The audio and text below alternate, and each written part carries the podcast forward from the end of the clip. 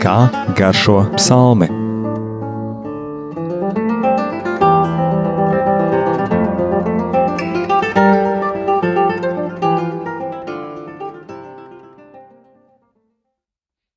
Slavēts Jēzus Kristus.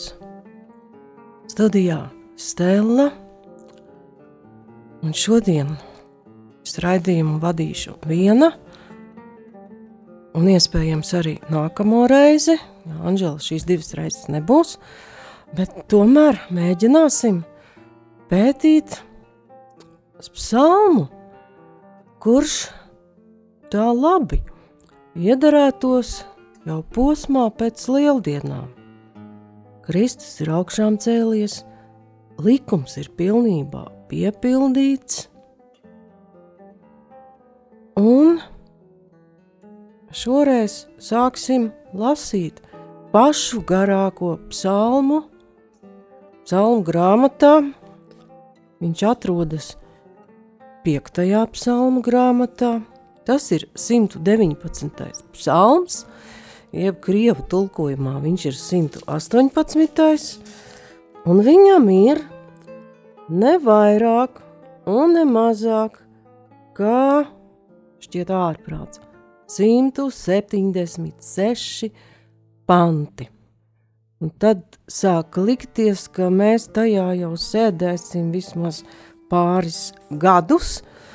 Protams, jebkurā svēto rakstu grāmatā var sēdēt pāris gadus, un ar to tāpat mēs tikai mazumu no tā satversim, bet mēģināsim kaut ko no šī psalma izgaršot un satvert. Psalms ir ļoti garš, bet ar interesantu uzbūvi. Un psalms ir kunga likuma apcere. Un jau pašā sākumā mēs redzam, svētīgi tie, kas ir nenoziedzīgi savos ceļos, kas staigā pēc tā kunga baušļiem. Un otrais - svētīgi tie, kas sargā viņa liecības, kas viņu meklē no visas sirds, kas nedara netaisnību, bet staigā viņa ceļos. Un kaut šie ir pāris teikumi, bet tie jau atgādina Kristus vārdus no jaunās derības Mateja evaņģēlijā, kur viņš šo svētību izvērš daudz plašāk, un ko mēs pazīstam kā kalna svētības, bet Ot kas no tā ieskanas jau šajā ļoti garajā Dāvida psalmā. Un Mateja evaņģēlijā 5. nodaļā no 2. panta mēs varam lasīt, savu muti atdarījis, viņš tos mācīja, sacīdams: Svētīgi garā nabagi, jo tiem pieder debesu valstība. Svētīgi tie, kam bēdas, jo tie tiks iepriecināti. Svētīgi lēnprātīgie, jo tie iemantos zemi. Svētīgi izsalkušie un izslāpušie pēc taisnības, jo tie tiks paēdināti. Svētīgi žēlsirdīgie, jo tie dabū žēlastību. Svētīgi sirds šķīstie, jo tie dievu redzēs. Svētīgi miera nesēji, jo tie tiks saukti par dieva bērniem. Svētīgi taisnības dēļ vajāti, jo tiem pieder debesu valstība. Svētīgi jūs esat, ja jūs lamā un vajā, un ar meliem par jums runā visu ļaunu manis dēļ.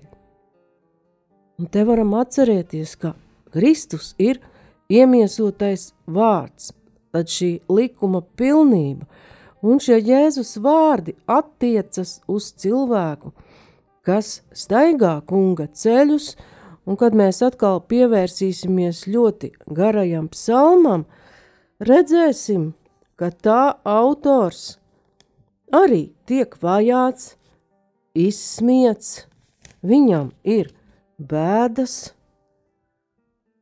un, varētu teikt, pat garā nabaks. Viņš ir tādā ziņā, ka viņš ir gatavs visu saņemt no kunga. Un vēl varam pievērst uzmanību tulkojumu, neteiksim problēmai, bet īpatnībai. Krievu valodā ir nevis vienkārši svētīgs, un tas pats attiecas arī uz Mateja evaņģēlīju tulkojumu Krievu valodā. Blaženī, svētlaimīgs, grieķu valodā makarius. Un krieviski mēs lasām divus šos jēdzienus, staigā pēc tā kunga baušļiem, ka ģešie zakoņi. Varētu pat teikt, šis krievu izteikums ir precīzāks tādi, kas staigā likumā. Viņi ir šai likumā iekšā. Viņiem pildīt šo likumu ir tikpat dabiski kā elpot. Un otrais ir svētīgi tie, kas sargā viņa liecības, kas viņu meklē no visas sirds, hraņašķie atkravēņie, tādi, kas glabā atklāsmi, varam, saistot ar šo iepriekšējo pantu, glabā šo likumu atklāsmi, kas nāk no debesīm. Šis likums nāk pie cilvēkiem no Dieva. Tātad psalmists runā par tādu cilvēku. Vēl varam saprast, ka arī psalma autoru nav teikts, kas tieši ir autors.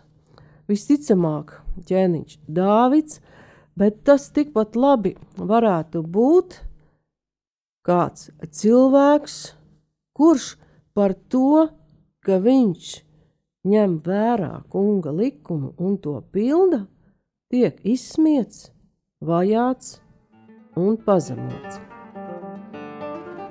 Thank you.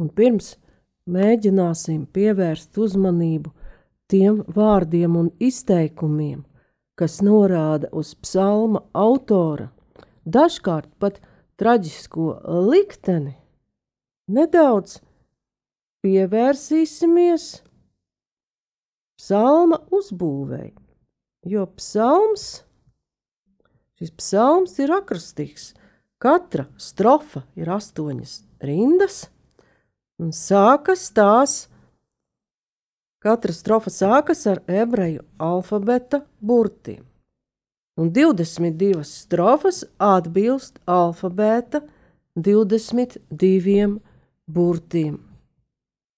Un, ja atcerēsimies, ebrejiem burti ir saistīti arī ar skaitļu simboliku, un šāda uzbūve savā ziņā ietver arī tādu dziļu jēgu, ka psalmists, izmantojot visus savas tautas alfabēta burtus, ir veidojis šīs astoņrindas kā lūkšanu un pārdomu krājumu par dieva vārdu. Un kā jau minēju, visam psalmam cauri aužas arī tas, ka šim cilvēkam, kunga likuma mīlētājam, zinātājam, pildītājam, neklājas viegli. 19. psalms, 19. pants un tālāk. Es esmu svešinieks virs zemes, neapslēp man tavus baušļus. Mana dvēsele nomokās ilgās pēc taviem likumiem vienmēr. Tu norāji lepnos un pārgalvīgos nolādēti ir, kas aizmaldās projām no taviem baušļiem, novērs no manis negodu un kaunu, jo es turu tavas liecības. Lai gan lieli kungi sēd un sarunājas pret mani, tavs kalps pārdomā tavus likumus. Te psalmists runā par to, ka bez baušļiem viņš kā pazudis svešinieks virs zemes, un šeit var saprast, ja mēs ņemam vērā Jāņa evaņģēlijas salīdzinājumu par pasauli, kas ir zemes un kas ir debesu valstība, ka tā ir pasaule, kurai ir savi likumi, kur baušļi tiek nicināti, un ja cilvēks jūtas svešinieks virs zemes, viņam ir svarīgi saskatīt šos baušļus, sataustīt, un tāpēc psalmists lūdz neapslēp man tavus baušļus. 21. pantā viņš atzīst, ka kungs tomēr tos lepnos un pārgalvīgos neatstāja bez atbildes, tu norāji lepnos un pārgalvīgos, un varētu likties dīvains tas vārds nolādēt ir, kas aizmaldās projām no taviem baušļiem. Ja mēs skatītos Levītu grāmatā 26. nodaļā svētības un lāsta vārdus, tad mēs labāk arī saprastu, kā izprast, kāpēc psalmists raksta, ka kāds it kā būtu nolādēts, jo šeit šis nolādējums ir saistīts ar novēršanos no baušļiem. Un kaut vai šāds fragments, trešā mūzes grāmata, jeb Levītu grāmata, 26. nodaļa, otrā daļa, kur ir lāsts par nepaklausību, atkal šis it kā ļoti nērtais vārds, bet, ja jūs man neklausīsiet un nepildīsiet visus šos baušļus, un ja jūs manus likumus nicināsiet, un jūsu dvēseles manas tiesas niecinās, nepildot visus šos baušļus, tad jūs lauzīsiet manu derību. Tad es jums šādi darīšu. Es likšu nākt par jums izbailēm, dilonim un karstumam, kas acis aptumšo un dvēseli nomāc. Un veltīgi jūs sēsit savu sēklu, un jūsu ienaidnieki ēdīs jūsu maizi. Tad šeit tieši Torā, trešajā mūzus, jeb Levitikus, ir pateikts, kā notiek šis nolādējums un norājums lepnajiem un pārgalvīgajiem. No baušļiem aizmaldīties prom var tikai brīvprātīgi, jo atkārtotā likuma grāmatā, ja mēs lasītu, kungs saka, es tevā priekšā nolieku dzīvību un nāvi, tad izvēlies dzīvību. Cilvēks ir brīvs izvēlēties, klausīt kunga likumā, vai to ignorēt, un tad ciest attiecīgas sekas. Tālākie panti, ko es jau pieminēju, kur psalmists lūdz 22. pantā novērs no manis negodu un kaunu, jo es turu tavas liecības. Lai gan lieli kungi sēd un sarunājas pret mani, tavs kalps pārdomā tavus likumus. Mēs varam saprast, ka kunga liecības turēšana dažkārt var būt neizdevīga, nērta, un jāatcerēsimies dažus notikumus jaunajā derībā, kunga likuma atgādināšana var maksāt pat ļoti dārgi, kā tas notika ar Jāni Kristītāju, kad viņš atgādināja Hērodam, viņš nedrīkst ņemt brāļa sīvu pie sevis. Tad Jānis Kristītājs zaudēja galvu. Savukārt, kad pravietis Nātans atgādināja Dāvidam par kunga likumu pārkāpumu. Šis pravietis tika uzklausīts, un ķēniņš nožēloja savu grēku. Tā tad arī divas dažādas attieksmes. Un šī piezīme par lielu kungu sarunāšanos pret mani atgādina arī to, ka Kristus tika notiesāts ar, varētu teikt, tā laika garīgās elites atvēli un viņu pēdiņās, varētu teikt, svētību. Kad tika meklēti pat viltus liecinieki, notika sarunāšanās, un to runāja šie lielie kungi, lai pa katru cenu taisnīgo pašu kungu jēzu kura teiktais un darītais viņiem bija nērts un ļoti nepatika, nogādātu pie malas. Un, mēs palasītu Lūkas evaņģēliju, 23. nodaļu, no 10. panta, mēs varam lasīt, un augstie priesteri un rakstu mācītāji stāvēja, un viņu ļoti apsūdzēja bet Hērods ar savu pilsētu saimi viņu nicināja un apmēdīja, un apilkuši tam krāšņu tērpu sūtīto atpakaļ pie Pilāta. Tad izsmiets, un to dara tieši tie, kam vajadzēja varbūt vislabāk zināt, kas kungs ir un ar kādu misiju viņš ir atnācis. 28. pāns garajā psalmā. Psalmists saka, man dvēseli skumst asarās, stiprini man ar savu ādu, vārdu. Pasargi mani no melu ceļiem un dāvini man savus baušļus. Tad šis atgādina arī Kristus asaras ģecemans dārzā, kad viņam ir vajadzīgs kunga stiprinājums, un viņš to arī saņem. Kādus vēl mēs varam atrast šos pantus, kas liecina par psalma autora grūto situāciju.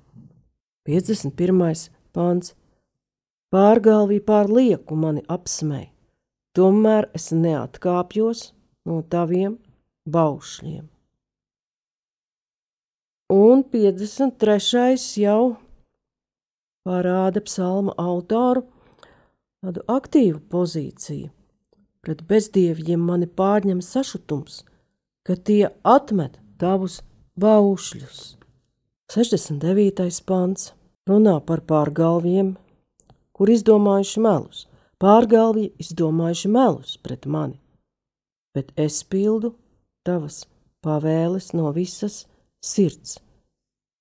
Un tālāk, viņu sirds ir nejūtīga, kā taukos ieaugusi, bet es priecājos par taviem baušļiem. Tas man bija par labu, ka mani pārbaudīja un pazemoja, lai es mācos tavus likumus.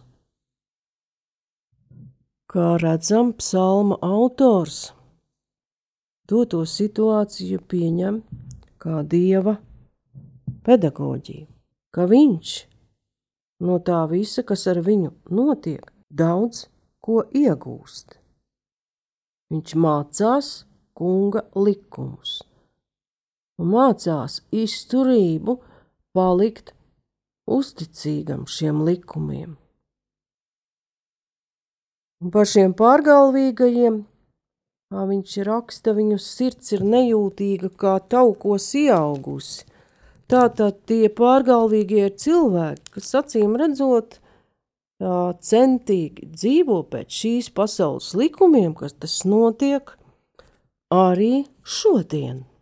Un Jēkabs savā vēstulē, 5. nodaļā, raksta: Jūs esat virs zemes dzīvojuši kārumā un baudās, jūs esat savas sirdis barojuši kaujamai dienai, jūs esat pazudinājuši un nokāvuši taisno. Viņš jums nepretojās.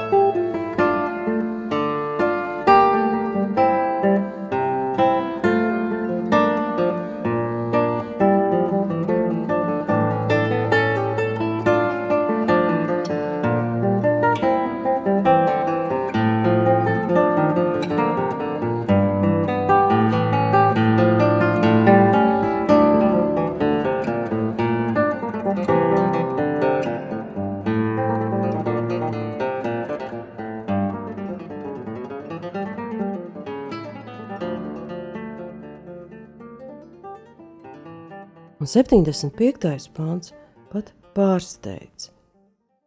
Salmists runā par šo pārbaudījumu un pat pazemojumu.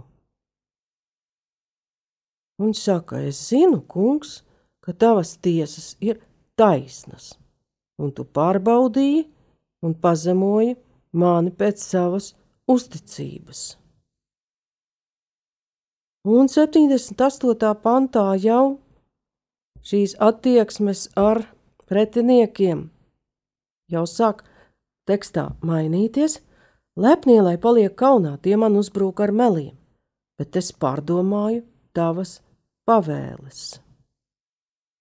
Arī 95. pantā psalmists atgādina, ka bezdievi man uzglūna, lai mani iznīcinātu, bet es raugos uz tavām liecībām.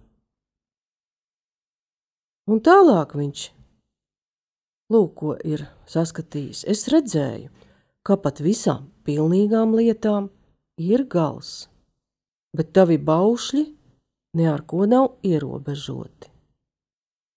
Arī 109. un 110. pants atgādina psalmista situāciju, un jebkura cilvēka situācija, kurš grib arī šodien, kurš grib turēt kunga paušļus. Mana dvēsele ir vienmēr nāves briesmās, tomēr es neaizmirstu tavus baušļus, bezdievji liek man cilpas, bet es neatkāpjos no tavām pavēlēm. Nejot cauri šim psalmam un pievēršot uzmanību šiem izteikumiem, Psal, redzam, ka psalmists ne tikai atzīst to, ka viņu vajā un izsmēja par uzticību likumam, bet 136. pants parāda autoru vēl citā gaismā. Asaru upes izplūst no manām acīm, tādēļ, ka daudzi netur tavus baušļus. Tātad psalma autors ir izmisis, viņš ir satriekts par to, ka daudzi netur kunga baušļus, līdz ar to ir uz ceļa, kas ir aizvest prom no kunga, prom, kā mēs jaunās derības izteiksmē saprotam, mūžīgās dzīves. Un 139. pantā jau tur ieskanas kaut kas no jaunās derības, no Kristus pats sašutuma. Mani beidz nost, manas kvēlās dusmas tādēļ, ka mani pretinieki aizmirst tavus vārdus. Un atcerēsimies, kādās dedzīgās dusmās kungs izmeta visu biznesu, visu tirdzniecību no tempļa un sacīja, ka karstums tava nama dēļ mani aprī. Un šeit ir pat kaut kas līdzīgs, ka psalmists šeit jau vairs nesauc nekādu postu pār to savu pretinieku galvām, bet viņš ir dusmās, Tādēļ, ka mani pretinieki aizmirst tavus vārdus, tātad, ka viņi noraida šos dzīvības vārdus, kurus Dievs ir devis, kā arī atkārtotā likuma grāmatā ir teikts, lai tu dzīvotu.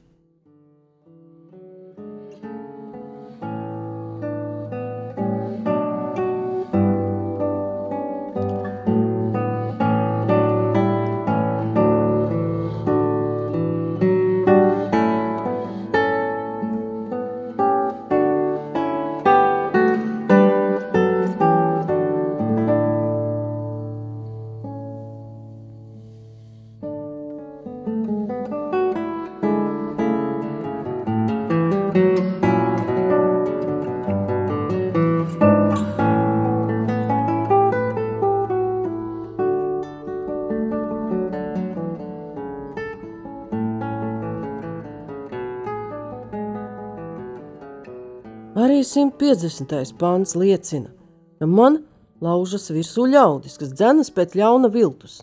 Tie ir atkāpušies no taviem baušļiem. Tad ap viņu ir cilvēki, kas ir atkāpušies un dara, kā viņiem šķiet izdevīgi. 157.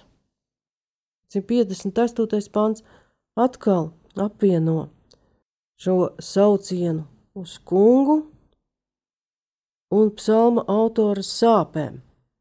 Daudz ir manu vajātāju un pretinieku, bet es neatkāpjos no tavām liecībām. Man sāp, kad es redzu atkritējus, ka viņi netur tavus vārdus. Jo psalma autors zina, kādas sekas ir tam, ja cilvēks ignorē kunga vārdus. Un 161. pasaka tādu diezgan mūsdienīgu vārdu. Augsti valdnieki mani bez iemesla vajā, bet mana sirds bīstas tikai no tava vārda.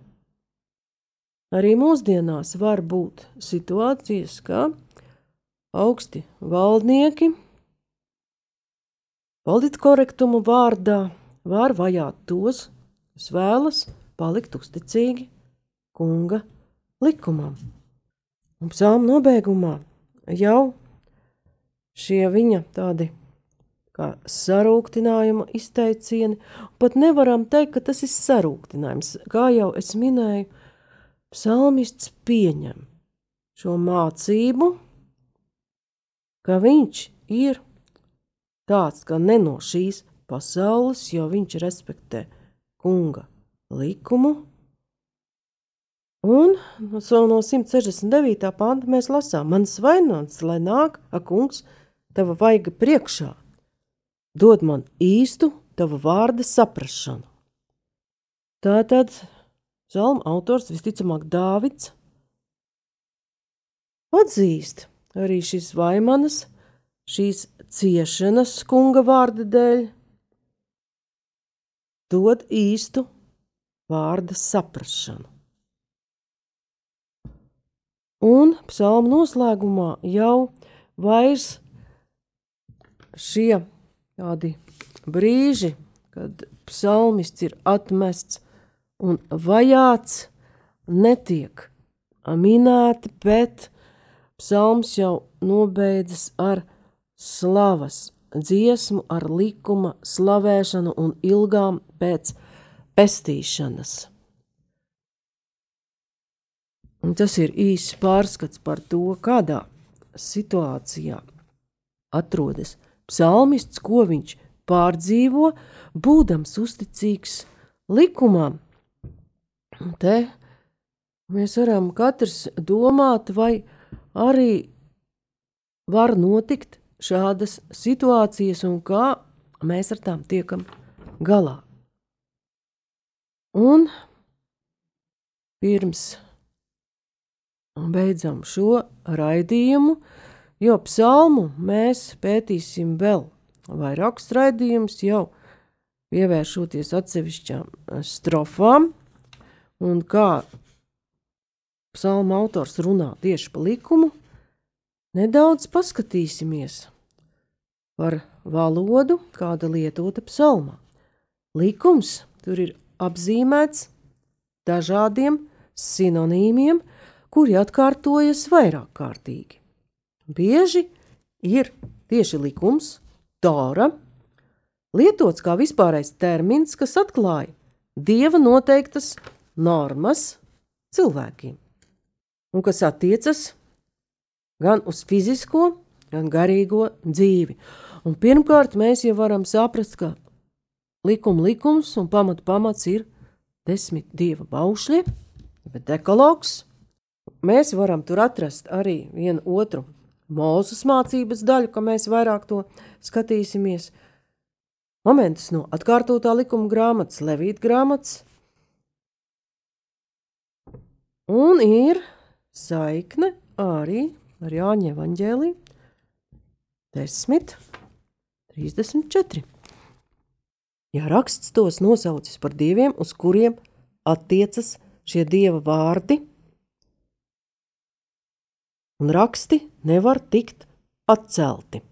Tad tas grieķu vārds, raksts, ir attiecināts tieši uz likumu, kas atbilst visai vecajai derībai.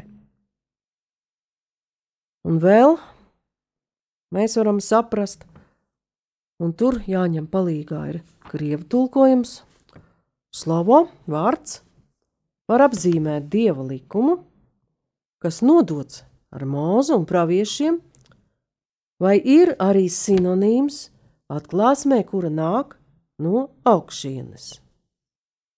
Kā jau es minēju, jau pirmā, otrā pantā ir zakon un ir arī atkraveņie. Atkraveņie mēs atradīsim arī 24. pantā. Vēl, un te atkal jāpievērš uzmanība krievu tulkojumam, jo izrādās viņš precīzāk parāda tās nianses, kas ir šiem dažādajiem vārdiem, ar kuriem ir apzīmēti šie kunga noteikumi cilvēka dzīvei. Poveļēņie, konkrēti norādījumi par dzīvi, uzstāv, cilvēka uzvedības norma attiecībā pret dievu, un par šo pārkāpumu stingri sodīja, un zāpaveģi, ja baušļi, To mēs jau sapratām, ka tas pirmkārt attiecas uz dekalogu. Un, ja mēs gribam vairāk saprast, kas īsti ir arī šis paveļņie, varam kaut vai izceļošanas grāmatā paskatīties, ka kungs dod arī dažādus tādus sadzīves noteikumus, kā cilvēkiem dzīvot, jo izradzētajai tautai Tora bija ne tikai reliģisks likums, bet arī, var teikt, krimināla kodeks un civil kodeks. Piemēram, 22. nodaļa izceļošanas grāmatā likums par īpašumu. Ja zagli atrod pie ielaušanās, un tas tiek nosists, tad nav atriebēja viņa asinīm. Tas ir pie poveļēņiem. Un vēl tāds uh, 23. nodaļā, kas arī ir pie šī, bet mūsdienās ārkārtīgi aktuāls. 23. nodaļa, 8. pāns, 2. mūzes, jeb izceļošanas. Neņem uzpirkšanas dāvanas, jo tās apstulpo gudru acis un pārgroza taisno lietas. Tāda veida mēs varam saprast, ka tie ir šie paveļņie, ja tādi sadzīviski rīkojumi. Un vēl mēs atradīsim tur Dāvids, visticamāk, tas arī ir viņš, tam teikt arī vienkārši psalmists, runā par kunga tiesām. Ka kunga lēmumi ir taisnīgi. No augstākā taisnīguma puses, ka pat ja konkrētajā brīdī, kā viņš pats atzīst, viņš tiek vajāts, viņš tiek pārmācīts, bet Dievs no sava skatu punkta redz labāk, kur ir šī cietēja, vai tas būtu ķēniņš Dāvids vai kāds cits, vai pat mēs, labums. Un vēl mēs to redzēsim arī. Minēt ceļš, cilvēka virziens saskaņā ar Dieva gribu. Bet tas ir tāds ļoti īss ieskats par to situāciju, kādā atrodas psalma autors, kādu labumu viņš gūst no kunga pārmātības, kā arī nedaudz redzējām psalma uzbūvi, bet nākamajā reizē jau mēs pievērsīsimies visiem šiem vārdiem un apzīmējumiem, ko psalmists velta tieši kunga likumam, un mēģināsim saprast labāk šī likuma nozīmi arī savā dzīvē. Paldies par uzmanību! Studijā bija Stela.